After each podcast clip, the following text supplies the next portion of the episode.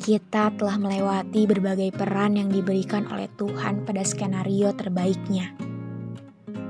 Berikut dengan luka, jatuh, keluh, kesah.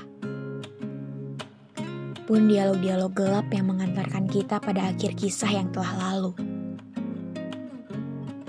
Entah bagaimana bisa, hanya kau yang tetap menjadi sosok penyusun definisi bahagia untukku. Ada suatu hal yang akan menjatuhkan kita seburuk apa pun itu. Yang goyah bukan berarti akan runtuh.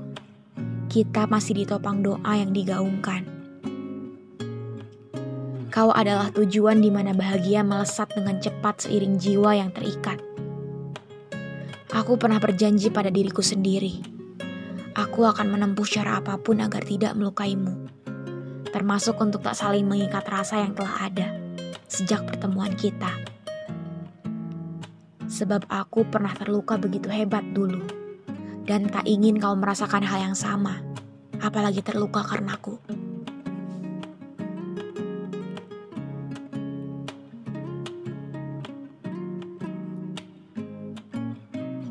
Apa pun yang baik bagimu, aku akan melengkapi kekurangan atas kebaikan darimu. Luka akan mengenalkan kita pada hal-hal baru termasuk arti kata menjaga. Aku tak akan terbebani oleh masa lalumu. Jadi setajam apa pun masa lalu yang terhunus dari ucapmu, aku masih mampu mengumpulkannya dengan rasa yang ada. Namun hidup lucu. Hingga detik ini, mulutku masih bungkam. Seolah kalimat yang ingin terucap tentang rasa yang membuat detak jantung membara takut menjadi hilang maknanya. Setiap bersamamu, logikaku dibuat tak berdaya. Jujur, aku pengecut.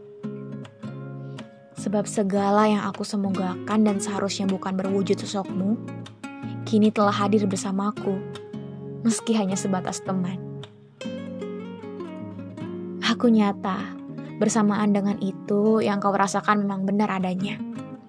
Aku bagaikan sebuah gambar tersier, menanti untuk ia sempurnakan sesuai dengan keinginan, angan, dan impian.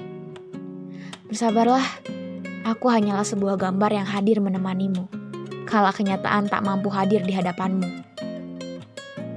Di tepian nestapa, hasrat seolah dibungkam sepi. Ragamu nyata, rasaku juga. Ku mendambakanmu, kau mendambakanku tapi sayangnya semesta tak menghendaki. Hingga pada akhirnya, detik jam pada menit yang ditempuh waktu setiap harinya, hanya tetap menjadikanmu sosok yang selalu kutemukan di garis terdepan.